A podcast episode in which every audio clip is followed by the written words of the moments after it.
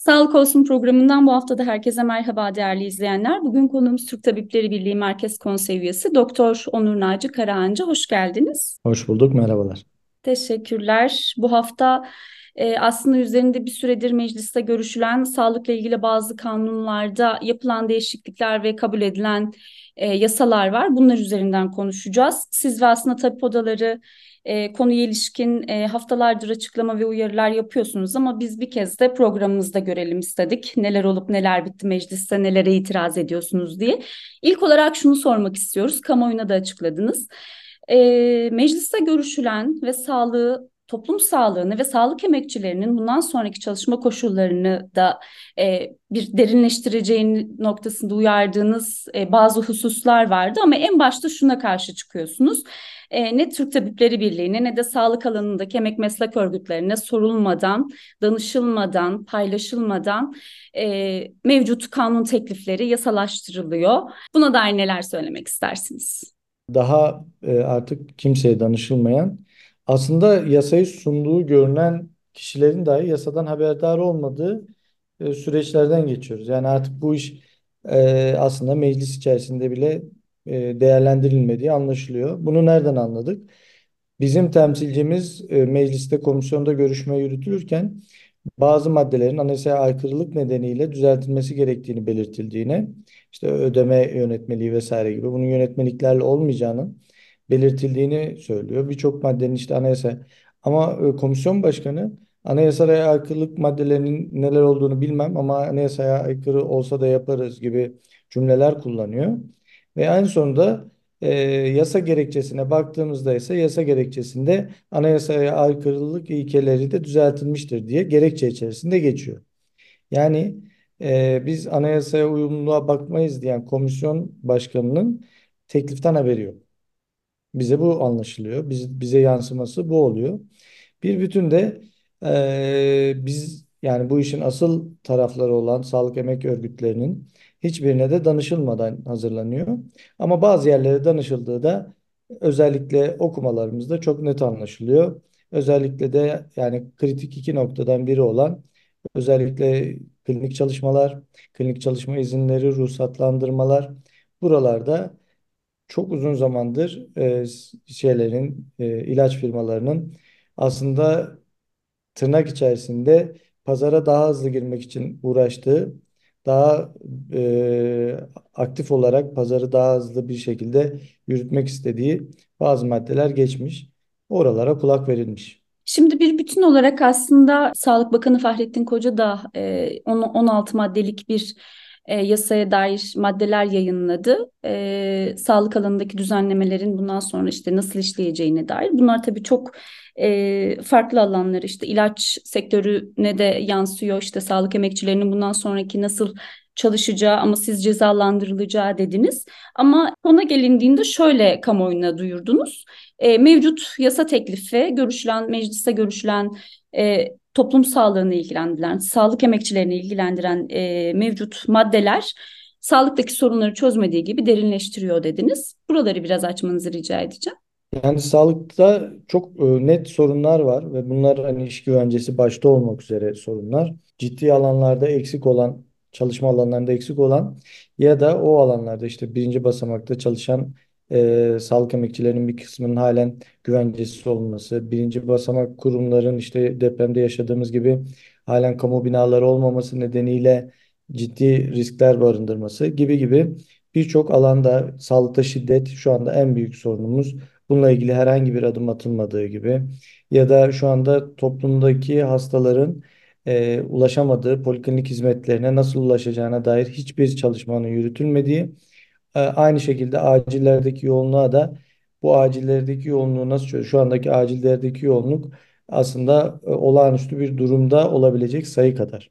Çoğu ülkenin e, çok çok üstünde. Ama bunu dert etmeyen, bunu nasıl çözeriz diye düşünmeyen, e, acilleri sanki bir poliklinik hizmeti veren noktalara çevirerek acaba bu şişkinliği azaltır mıyım diyen, görüntüleme yönet yöntemlerine hiç ulaşamayan, e, sağ, özellikle katkı payları alınırken bu katkı paylarından dolayı emekliler başta olmak üzere e, çoğu kesimin artık katkı paylarını artık çok çok yüksek fiyatlara, fahiş fiyatlara ulaşması nedeniyle ödeyememesi. E, sağlıkta ciddi bir göç var. Bu göçlerde e, bakanın iddia ettiği gibi olmadığı da çok açık. İşte bir maddiyat göçü değil bu sadece.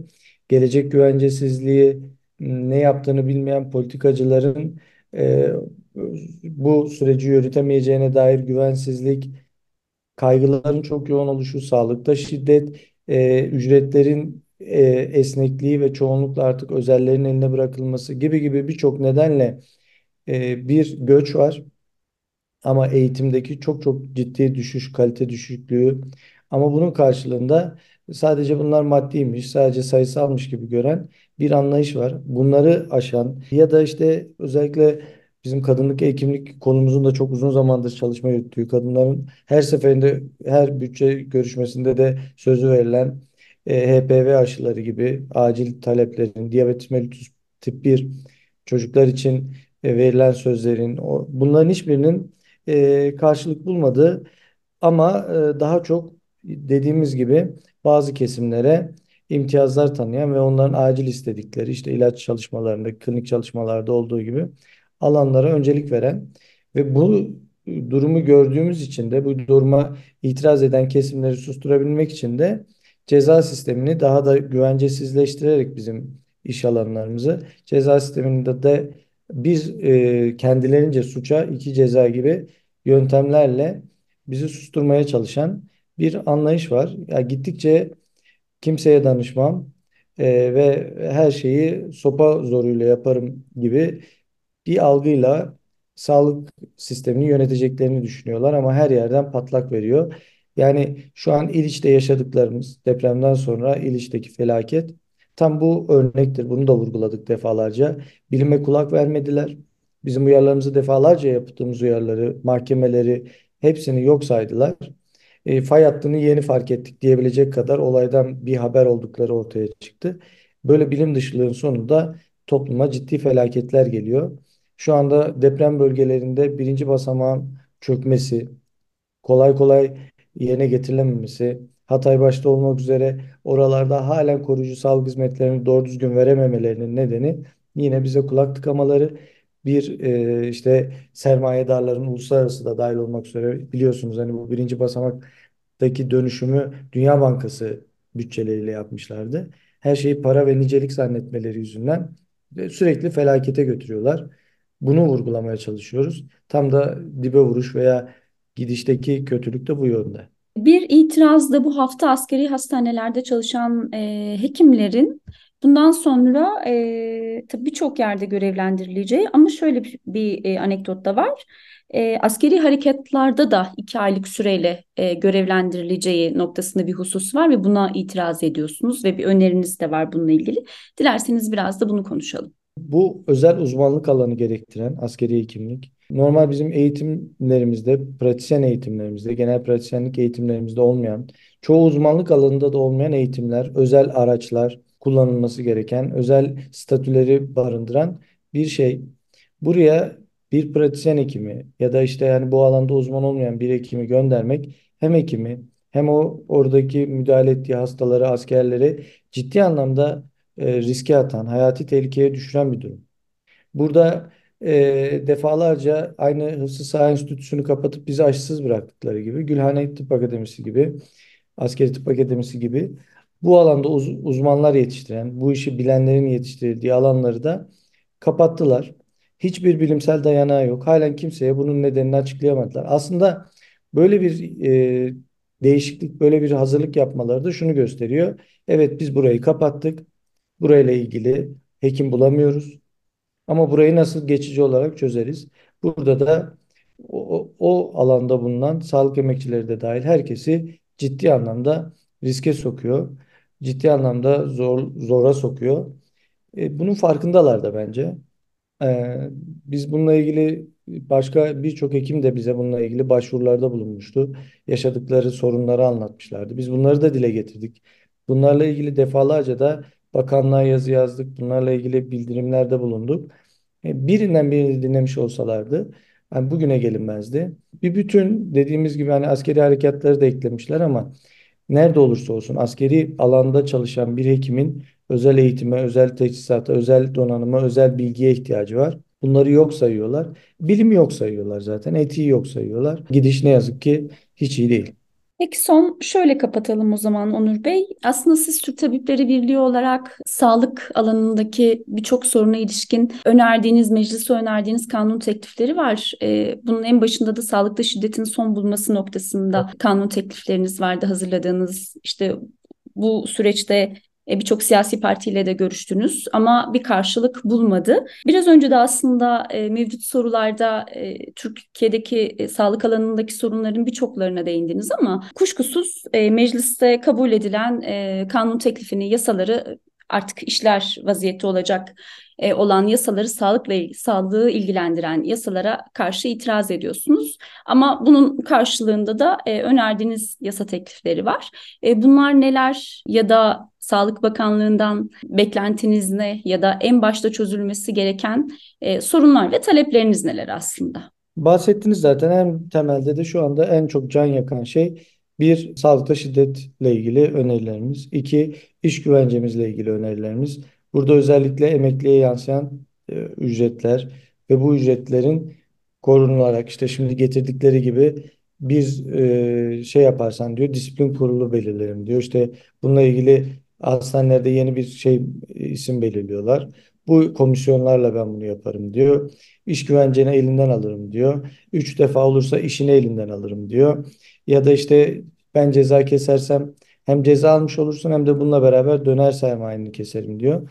E, güvenceli bir gelecek, güvenceli bir iş, güvenli bir yaşam ya, hakkının üzerinden uzun zamandır gidiyoruz. Emekli hekimlerle ilgili defalardır e, taleplerde bulunuyoruz. Bir diğeri de emekli hekimlerle ilgili önerilerimiz.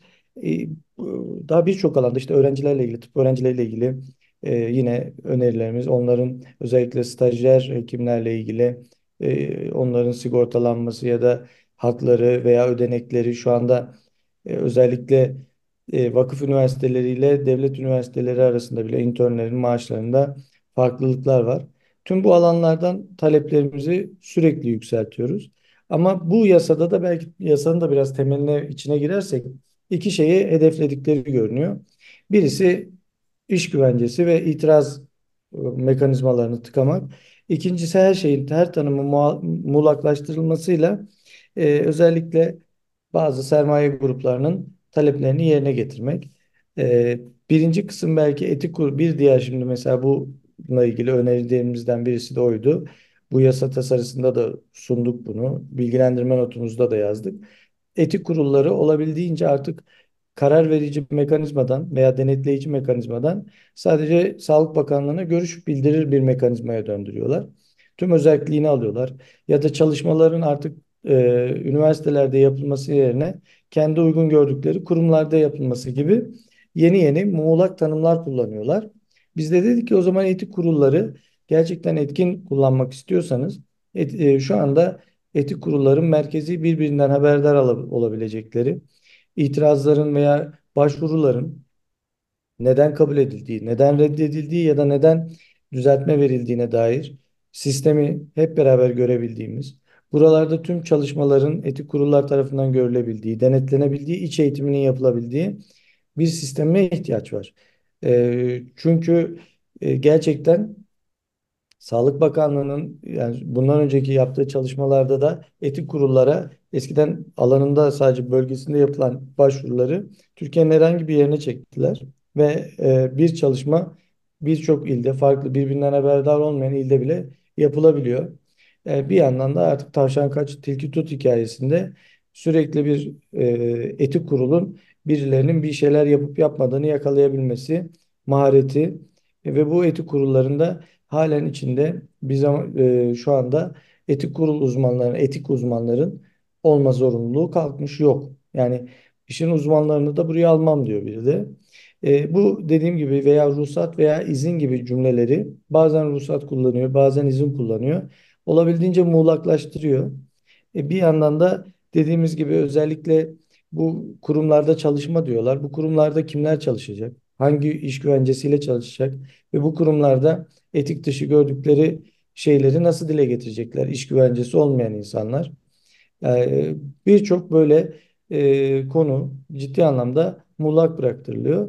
ve dediğimiz gibi iki alan bir ilaç endüstrisi için onlara kulak verilmiş görünüyor bu konuda. Onların bu sürece dahil olması. İki de devletin e, maddi yaptırımlarla veya cezalandırmayla itirazları olabildiğince e, baskılamaya niyetlendiği görülüyor.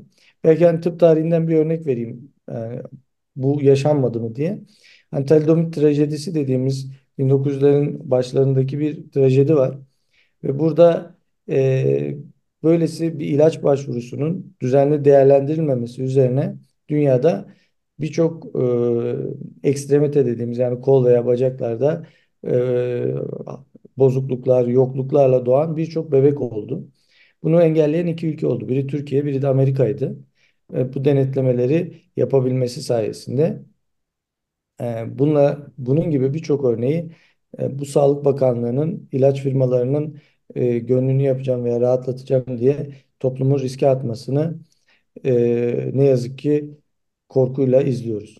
Gerçekten birçok program çektim ama herhalde en çok korktuğum programlardan bir tanesi bu oldu. Bir denek olarak kullanılmadığımız kalmıştı. Umarım böyle olmaz tabii. Uyarılarınızı ciddiye alırlar diyelim. Kuşkusuz Belki sağlık emekçilerinin cezalandırılacağı bir e, sağlık sistemi topluma iyi gelmeyecektir diye düşünüyoruz ve uyarılarınızı dikkate almalarını temenni ediyoruz. Şunu da söylemek gerekiyor. Belki işte topluma ve sağlık emekçilerine de buradan hani hekimlere buradan çağrımız da böyle olsun. Yani dikkate almayacaklarını daha başında verdiğim örnekten anlatmaya çalıştım. Yani komisyon başkanının bile aslında şeyle e, önergeyle ilişkisi bir yerde kopuk.